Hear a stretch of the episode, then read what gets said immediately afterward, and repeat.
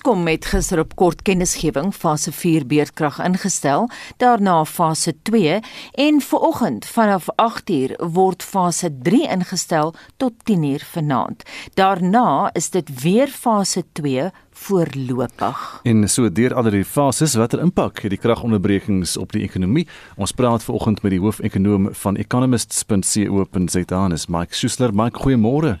Goeiemôre Gustav. So ons is geneig om net aan ons eie ongemak te dink wanneer ons beurtkrag natuurlik inskop, maar hoe groot is die impak werklik op die ekonomie? Jy praat van iets van soos 68 miljoen rand per uur onder fase 4 wat ons nou gister gehad het. Uh, dis nou wanneer krag vir 4 ure op 'n slag afgeskakel word. Ja, die die die dis 4000 megawatt ja. wat verlore gaan en uh vir die ekonomie kos dit gemiddeld 17 rand per kilowattuur So per megawatt uur as jy dit dan uitwerk is dit 17 miljoen rand. As jy daai 17 miljoen rand dan met 4 maal want dit is dan 4000 nie 1000 nie. Dan uh, praat ons van 68 miljoen rand per uur wat ons verloor. Ehm um, en dit is 'n redelike bedragie. Dit is nie, jy weet, noodwendig as jy dit vir 'n uur of 2 of 3 het, dan is dit nie 'n groot bedrag in terme van die BBP wat uh, hier by die 5.3 trilljoen is nie. Uh die probleem is egter dat natuurlik is dit nie net 'n 'n klein gedeelte nie. Met ander woorde, is nie 'n een dag of twee dag gebeurtenis nou nie. Ons is nou al ek dink basies in week 2 of baie diep in week 2 met beedkrag. En ja, hulle het in die begin in die aand gedoen wanneer dit minder kos vir die ekonomie uh of die skade minder is. Die die die die die, die ehm um, vandag byvoorbeeld egter ehm um, gaan ons uh by 51 miljoen rand per uur verloor so ek sê dalk 'n bietjie meer um, want dit is in die dag hierdie um, keer en dit is wat die beedkrag ons baie baie seer maak want mm. op die ou einde kan jy nie weer opvang nie. Jy praat nou van opvang en negeer die beedkrag nou die tekens van ekonomiese herstel waaroor ons vroeër die week gepraat het.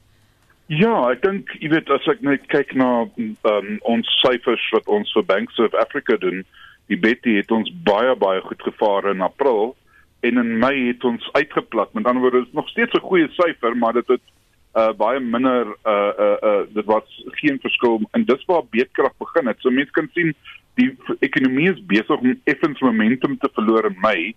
Nou het ons nog nie die Junie syfers nie, maar ek vermoed as ons die Junie syfers gaan kyk, uh gaan dit waarskynlik baie minder wees.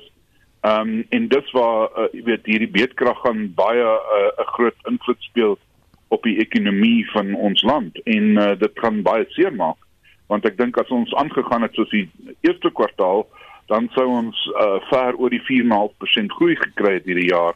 As nou selfs mense wat oor die 5% uh vooruitskattings het.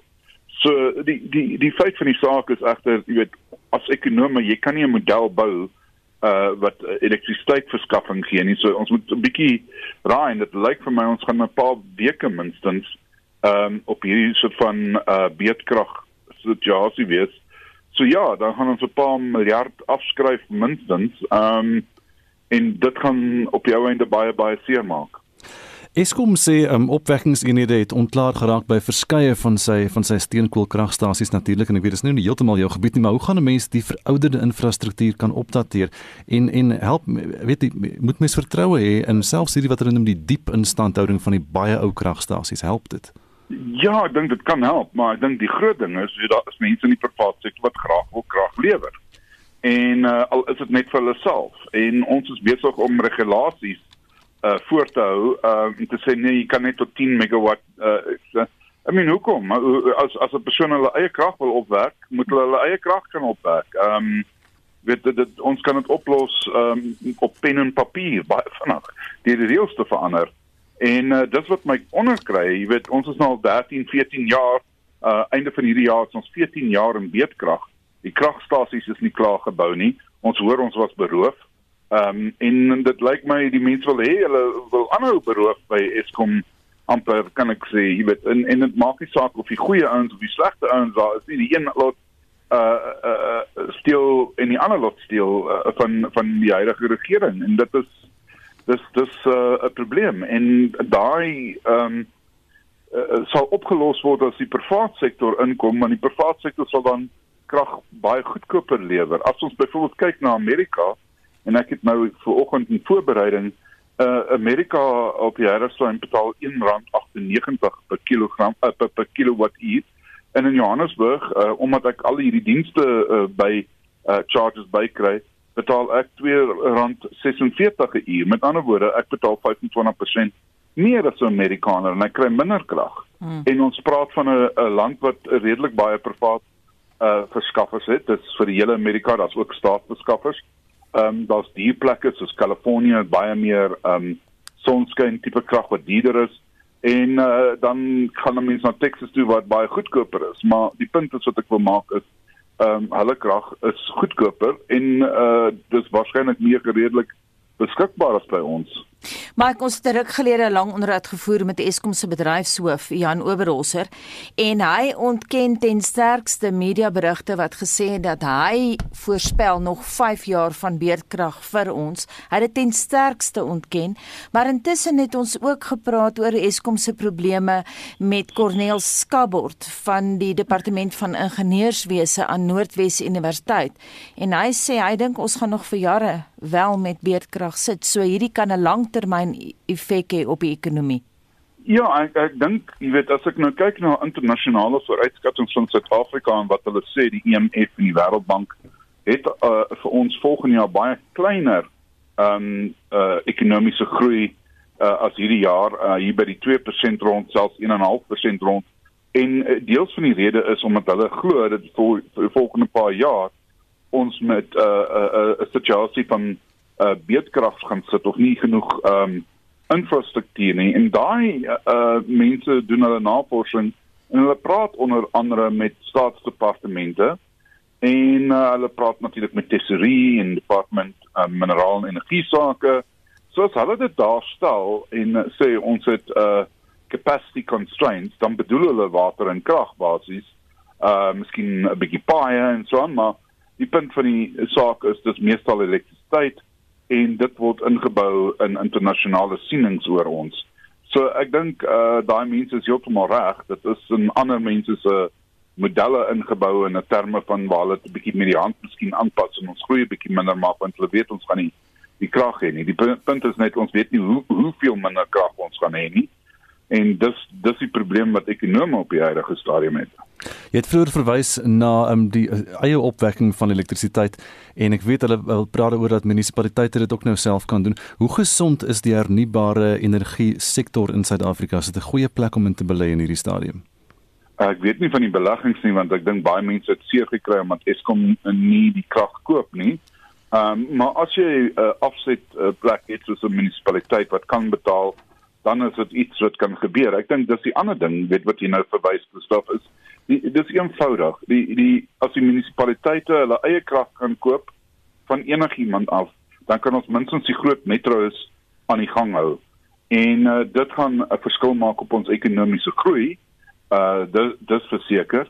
En byvoorbeeld Johannesburg, Kaapstad, ehm um, in in uh, Tshwane en Wiekel kan uh, regtig ehm um, daarbey baat vind en ons kan 'n groot uh verskil maak aan die aan die land. En dis dit dit hoef nie net hernubare energie te wees nie dit kan ehm um, 'n mens kan redelik van 'n gas ehm um, aanleg te bou mens kan dit in 18 maande reg kry uh, internasionaal dit is amper soos 'n mekano set wat jy koop en jy sit dit aan mekaar hmm. en die gas is in Mosambiek so hmm. die die geld vloei in die kontinent in en dit kan ons help Baie dankie en so sê Mike Schuessler hy's hoofekonoom by economist.co.za. Dis 22 minute oor 7 nou. Bloemfonteiners is boos oor riool wat in die strate afloop in Johannesburg se nywerheidsgebiede word beeste daagliks geslag sodat die bloed daar by die lyfvore in die dreine afloop.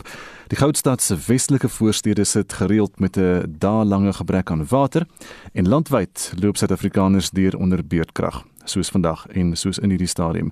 Intussen het Leidenburg ofterwel Mashishing in Mpumalanga se inwoners besluit tot hier toe en nie verder nie. Hulle sleep nou die Mpumalanga provinsiale regering hof toe om die regering te dwing om die munisipaliteit se werksamehede oor te neem. Die voorsitter van die Sakekamer op Leidenburg, Etli van der Merwe, het gister die aanloop tot hierdie drastiese stap aan Anita verduidelik. Ons gaan hof toe want ons het na meer as 5 jaar kry ons nie terugvoer van die munisipaliteit om ons probleme soos riool en paaie en krag uit te sorteer nie. Ons was 'n verskeie kere al onder administrasie, maar dit is nie die administrasie waar die regie die provinsiale regering ons beheer nie. Ons is onder die oorsig van Kokta. Kokta is 'n cooperative governance for traditional affairs.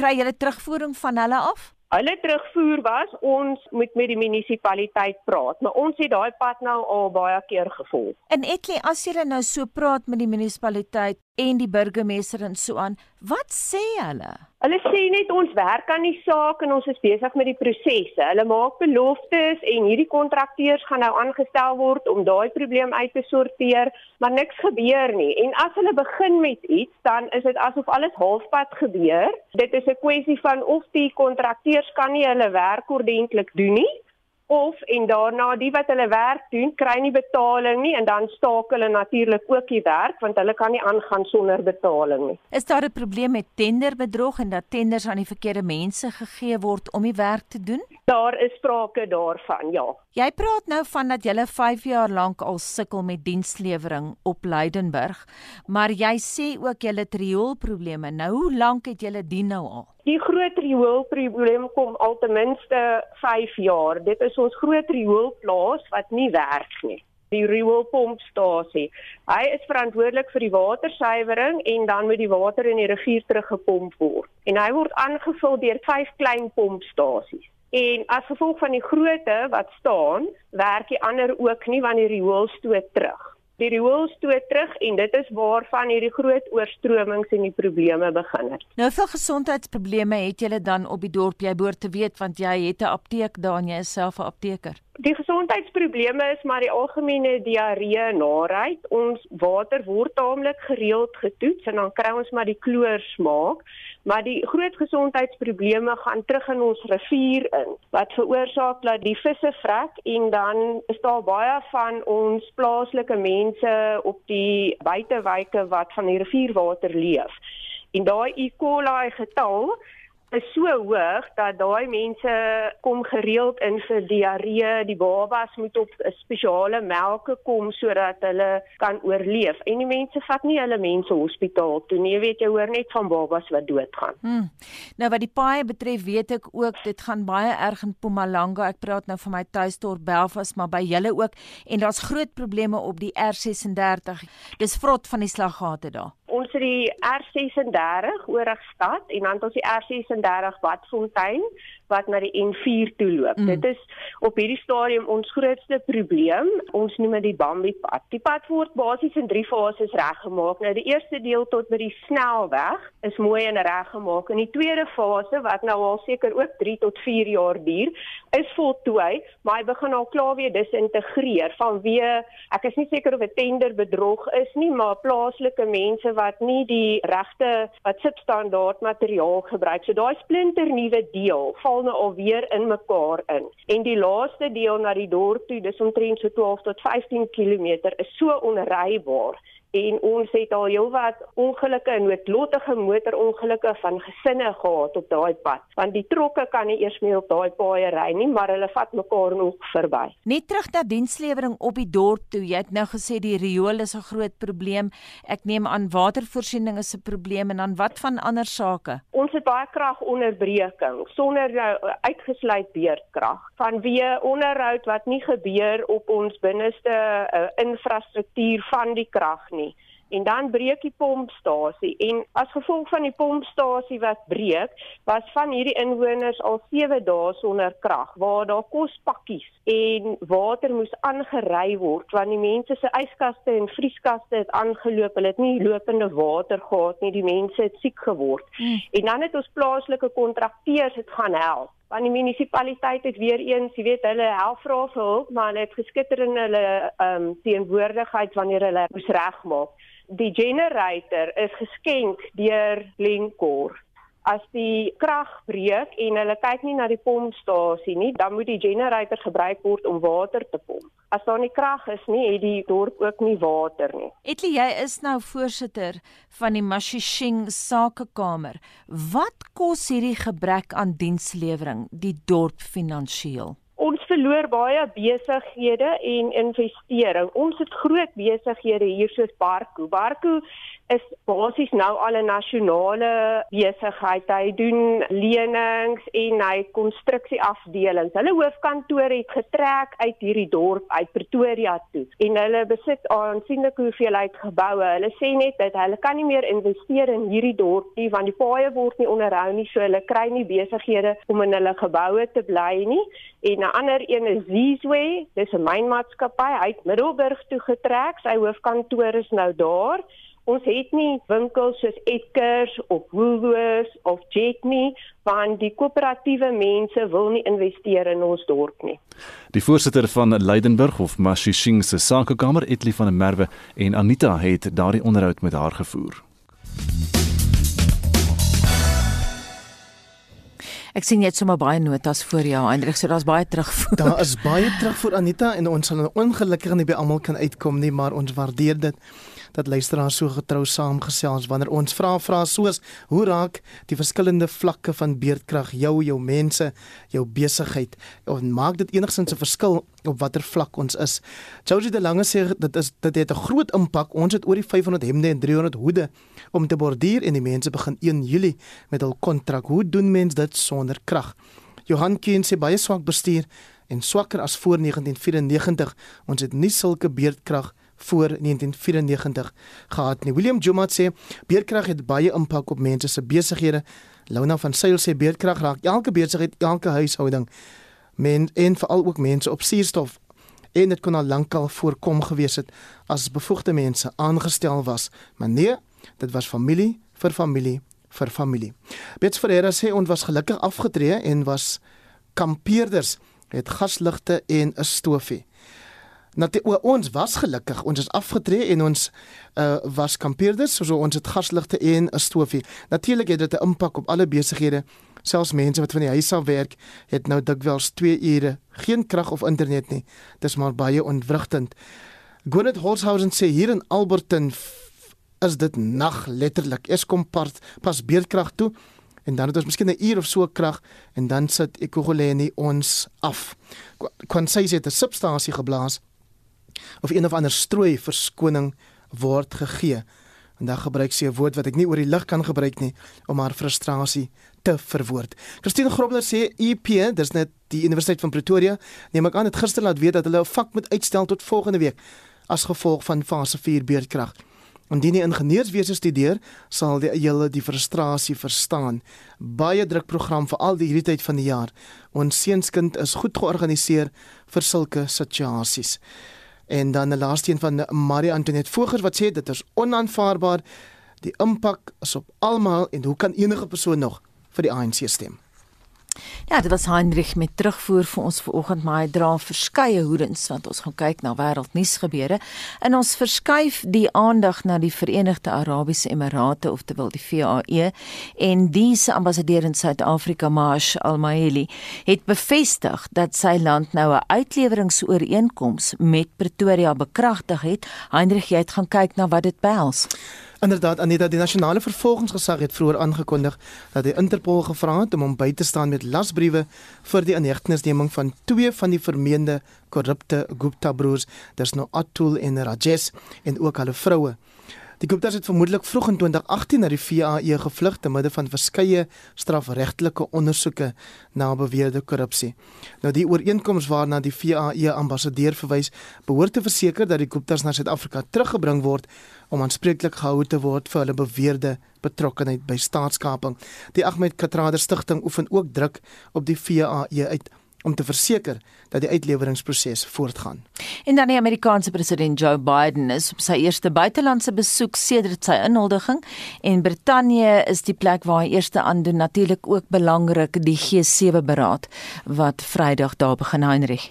En daaroor sal jy môreoggend met as ek dit reg het professor Erwin Swela praat Anita? Net so. So Biden se besoek is natuurlik groot internasionale nuus. Hy sal met die Britse eerste minister Boris Johnson vergader. Daarna sal hy die G7 beraad daar in Cornwall bywoon en ook 'n hoflikheidsbesoek aan koningin Elizabeth II in Windsor bring. Hy het gister gesê hy sal ook die komende NAVO Europese Unie beraad bywoon om verhoudinge met Europese alliansie van alliansievennote te herstel wat agteruit gegaan het tydens die presidentskap van sy voorganger Donald J Trump.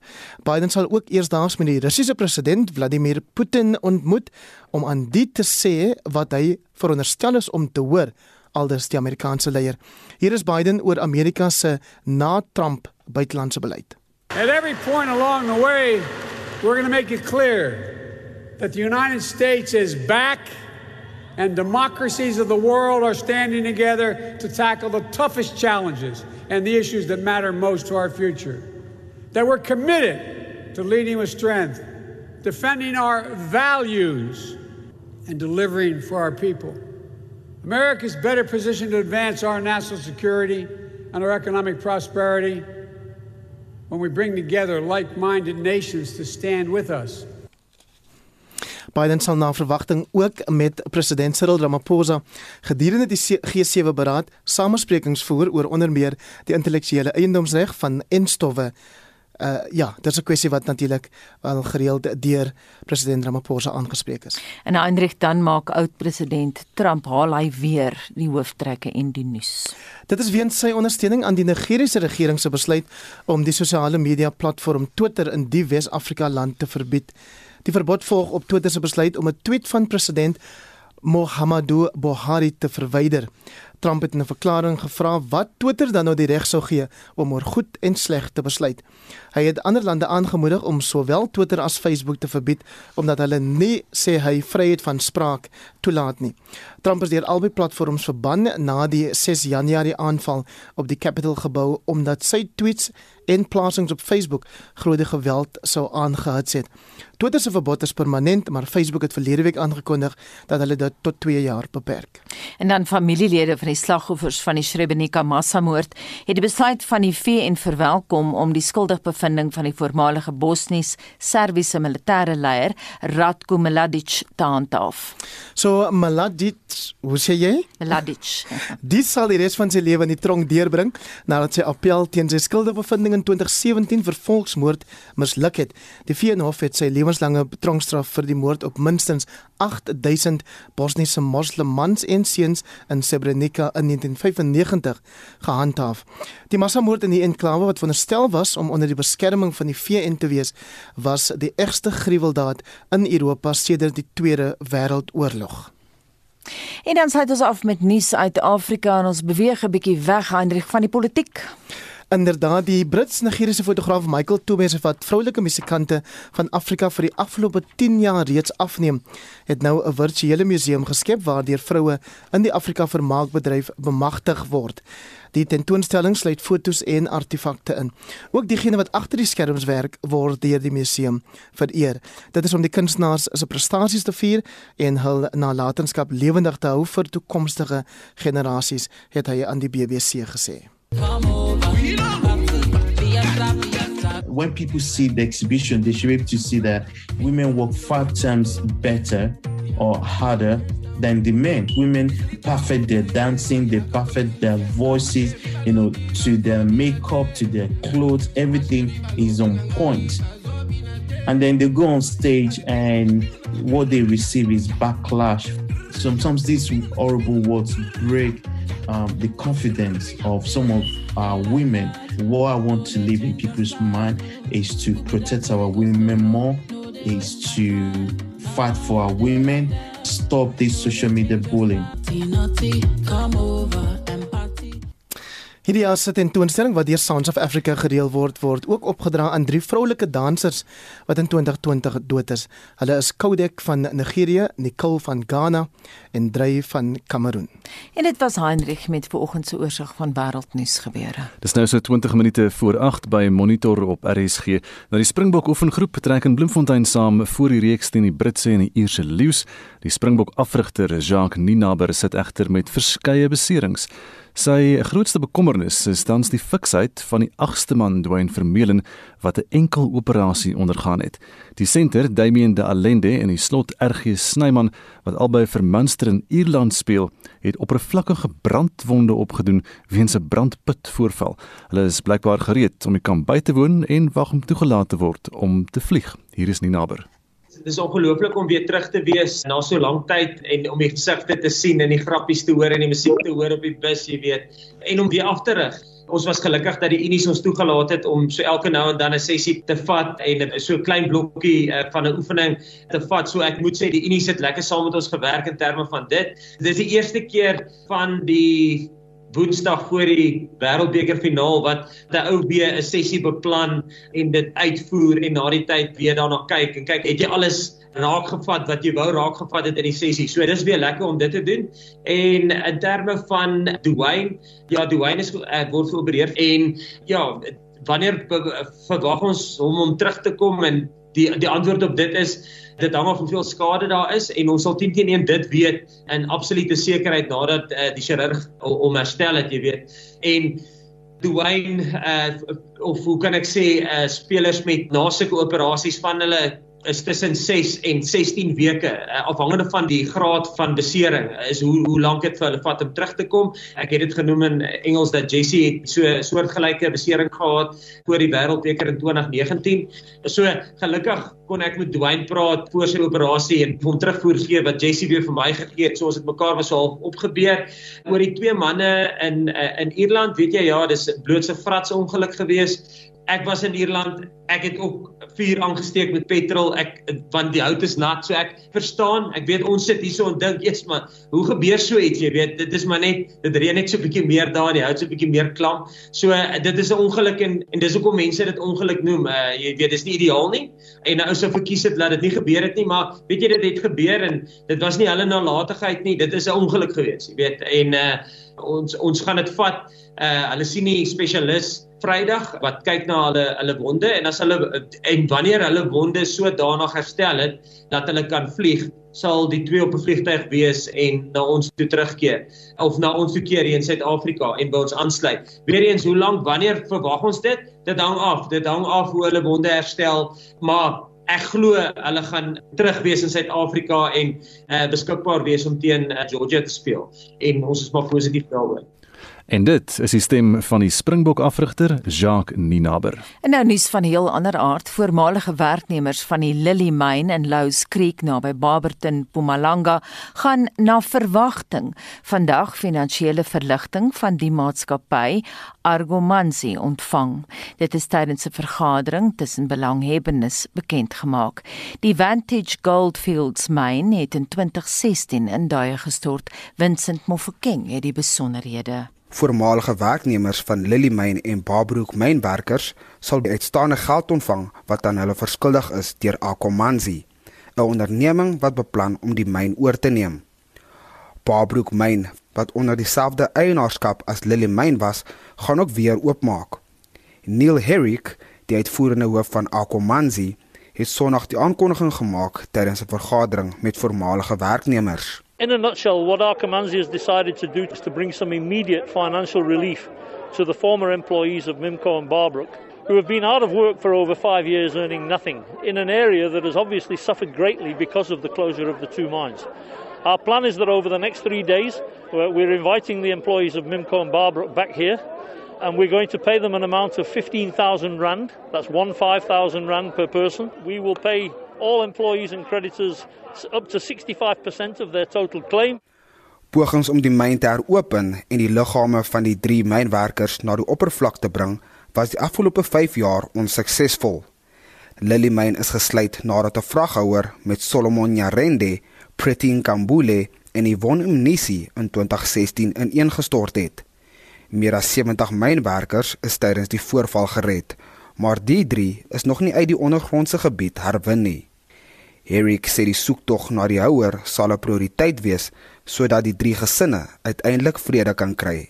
Our first priority is to launch the development that will get us down to 5 level, which is where we believe we can launch a good attempt to rescue the container and, and find the three missing persons. Those three families We're five, almost five and a half years on now. They still don't have closure. Lily en Barbrook myne is in sakeredding geplaas. Die sakereddingspraktisyns het die taak gekry om beleggers te kry. Een van die skuldeisers van Lily Mine, Akomanzi, het die saak voor die hof gedaag. Die Hooggeregshof uitspraak het in Akomanzi se guns beslis. Prins Tikontele Dlamini sê daar moet 'n pad vorentoe wees sodat mense se lewens kan voortgaan. Ngihlanganele nabo ngesense. Bavumile ukuthi I have met them behind closed doors and they confirmed that they will fix everything. So I wanted to know as well whether they do have money. Indeed, they confirmed that they do have money. They even told us about their investors. So we are confident that they will definitely do what they have promised. Because I do not want to be seen as a person who is not trustworthy to the community. Voormalige werknemers van die myn en die families van Nyarende, Nkambule en Mnisi het die ingrypings verwelkom. Yes, me personally I'm so excited because this is part of what we've been fighting for. You see, the main thing is the retrieval of the contain as priority number 1. It's been 5 years and now I also feel that he feels the pain after 5 years what the families were going through. As daar geen verdere vertragings is nie, kan die myne in die volgende paar maande hul operasies begin. Daar is ook die verwagting dat die heropening van die myne ontwikkeling in die plattelandse dorpie Louws Creek sal meebring. Die verslag van Motsebi wa Monareng in Mpumalanga. Ek is Vincent Mufokeng vir SAK nuus.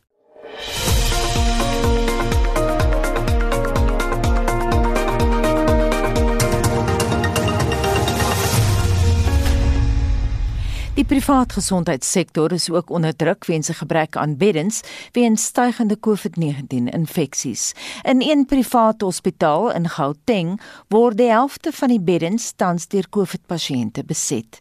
Pasiënte in 'n minder ernstige toestand word dan ook met suurstoftanks huis toe gestuur om bedruimte te skep. Vincent Mofokeng het meer. Gesondheidspersoneel in die Netcare Union Hospitaal in Alberton aan die oosrand van Gauteng is hard aan die werk in een van die noodafdelings wat pasiënte versorg soos baie meer by hierdie privaat fasiliteit aankom. We've tried uh, in the private sector to try and accommodate as many patients as possible.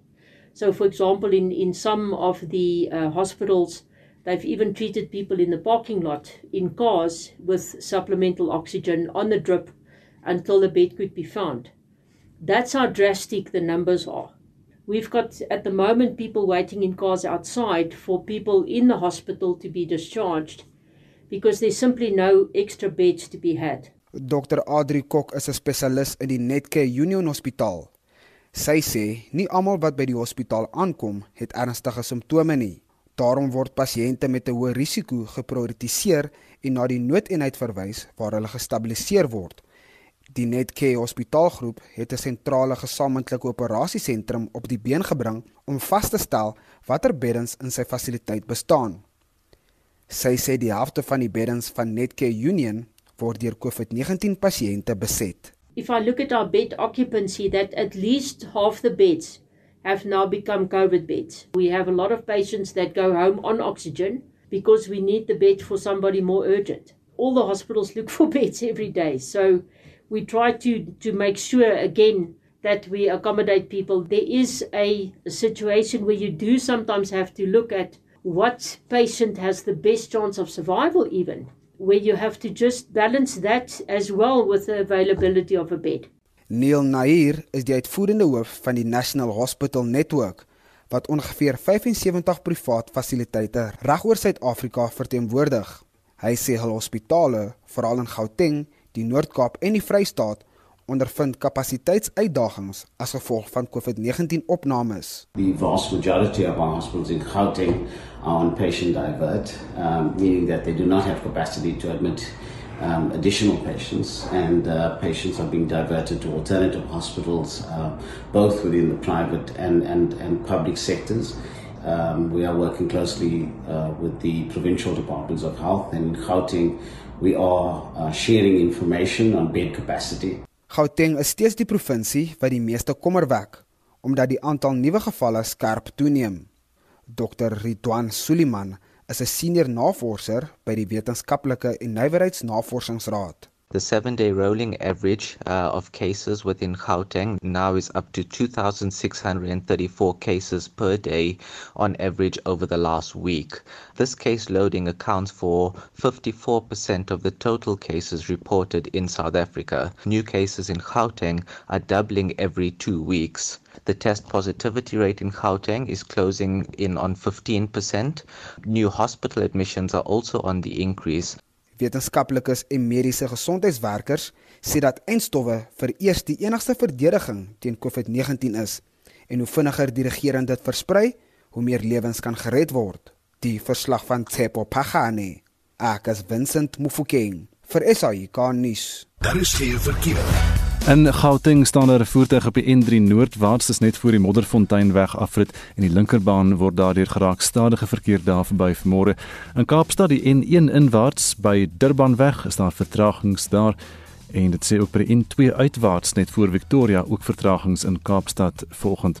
Heelwat verkeersligte buitewerking as gevolg van die fase 2 beurtkrag in hierdie stadium wat oor 4 minute fase 3 gaan word so sterkte as jy by die verkeersligte moet verbykom volgend. En dit is jou verkeer vandag op monitor. Nog so 4 minute program einde se kant toe en ons het nog terugvoer van die luisteraars. So wat nou hierso by ons gebeur in Centurion, ons het nou beerdkrag vir ons 2 en 'n half ure en dit het al twee keer gebeur dat sodra uh, die beerdkrag verby is, dan Sodra die krag aanskakel, dan trip een of ander transformer of een of ander ding en dan sit ons vir nog 2 ure sonder krag. So ons was gisteraand weer 'n keer vir 4 ure sonder krag. Môre, dit is Elspie van Port Shepstone. Ek weet net nie hoe kan hulle beerdkrag in die winter. Hulle het mos geweet die winter kom. Kon hulle nie ekstra uh, kragopwekkers gekry het en goed nie. Met hierdie COVID, hier's mense wat 'n uh, uh, nebulizers gebruik. Ou mense Mense wat werk, wat maskers dra, wat se maskers gewas moet word. Mense skrik wakker. Julle is agteraf en wys jou net weer hoe is die staat. Ons woon in Kempton Park. My man is 85 jaar oud en het gevorderde Parkinsons en het probleme om te sluk. Hy was al verskeie kere in hoë sorg in die hospitaal met longontsteking en septisemia. Hy word nou met 'n buis gevoed 6 keer per dag. Sy kos word met elektriese menger van varsprodukte gemaak en moet die regte temperatuur wees. Ons weet ook nie altyd wanneer om te verwag dat die krag gaan afgaan nie en kan nie 'n kragopwekker bekostig nie. Dit is dis 'n regtig 'n groot probleem vir my want ek wil regtig die beste vir hom doen en word so in die wiele gery. So, ek weet nie regtig hoe om hierdie situasie te hanteer nie. Nie een van ons weet nie. Nog is dit einde nie, Heinrich. Ek sien jy het so baie terugvoer daarby ja. Anita ja, Susan Engelbreg sê ons ploeter maar voort. Het mens enigsins nog keuses in hierdie land, hè? Ons het daarom intussen groeilampies ontdek wat laai vooraf en daarom lig verskaf as die krag af is. My Asperger's kleinkind kry baie swaar, maar die groeilampies is vir hom ook nou 'n groot hulp. Verder werk my FMP met battery het ek ek het ook 'n klein gasstofie. So ons ploeter maar voort soos met alles in ons lewens. Susan, hoe lyk die dagboek vir Spectrum? Dis nou vanmiddag om 12:00. Ja, Gustaf te midde van voorslepende beerdkrag verskyn Eskom se voormalige Glencore bestuurshoof vandag vir die Zondo-kommissie. Werknemers van die ANC dreig met betogings indien hulle nie teen Vrydag uitstaande salarisse ontvang nie. En verskeie rolspelers maak vandag planne bekend oor hoe hulle die verandering van wetgewing oor grondonteiening sonder vergoeding wil bestry. Dis nou Spectrum tussen 12 en 1 vanmiddag. Ja, alles goeie redes om te luister na ons kollegas se program. Dis nou 7:59. Onthou dat vorige uitsendings van Monitor Spectrum, Naweek Aktueel, Kommentaar en Finfokus is op RSC se webblad as 'n potgooi beskikbaar. Ek weet daar is mense wat probleme ervaar. Tik voordat jy intik www.rsc.co.za, moet jy intik I hou nou iono.fm. Dit is iono.fm. So jy kan nog steeds ons potgoeie gaan luister by daai iono.fm waarvan Anita praat en ook by Apple Podcasts. So kom ons aan die einde van vandag se program. Ons redakteur en ons waarnemende uitvoerende regisseur is Wessel Pretorius. Ons produksieregisseur vandag, Daitrin Godfrey. Monitor is môreoggend om 6uur terug. Ek is Gustaf Greiling. En my naam is Anita Visser en Anne Marie sit gereed met die 8uur nuus.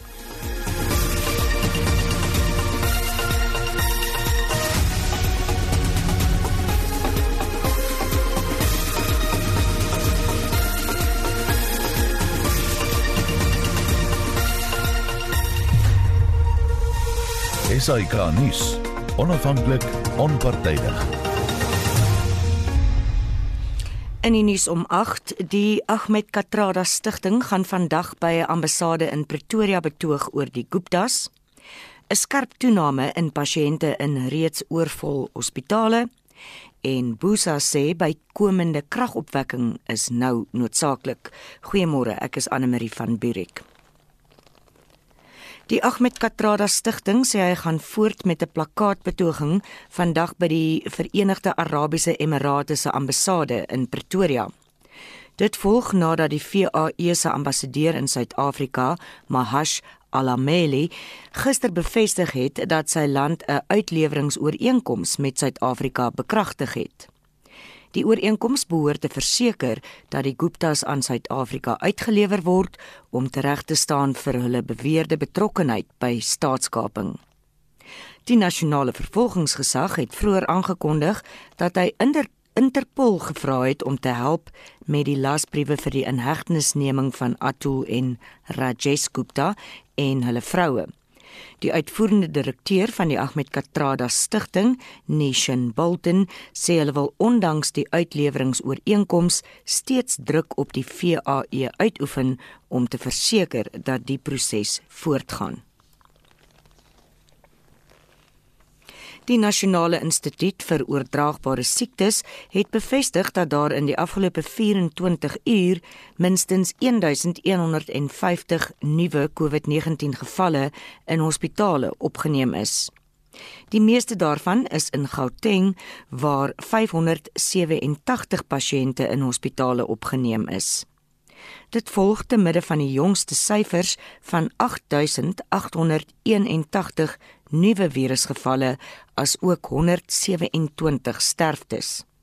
Dit is meer as dubbel die gevalle in vergelyking met die vorige dag se 4200 nuwe infeksies. Daar is dan sowat 7194 COVID-19 gevalle in hospitale landwyd.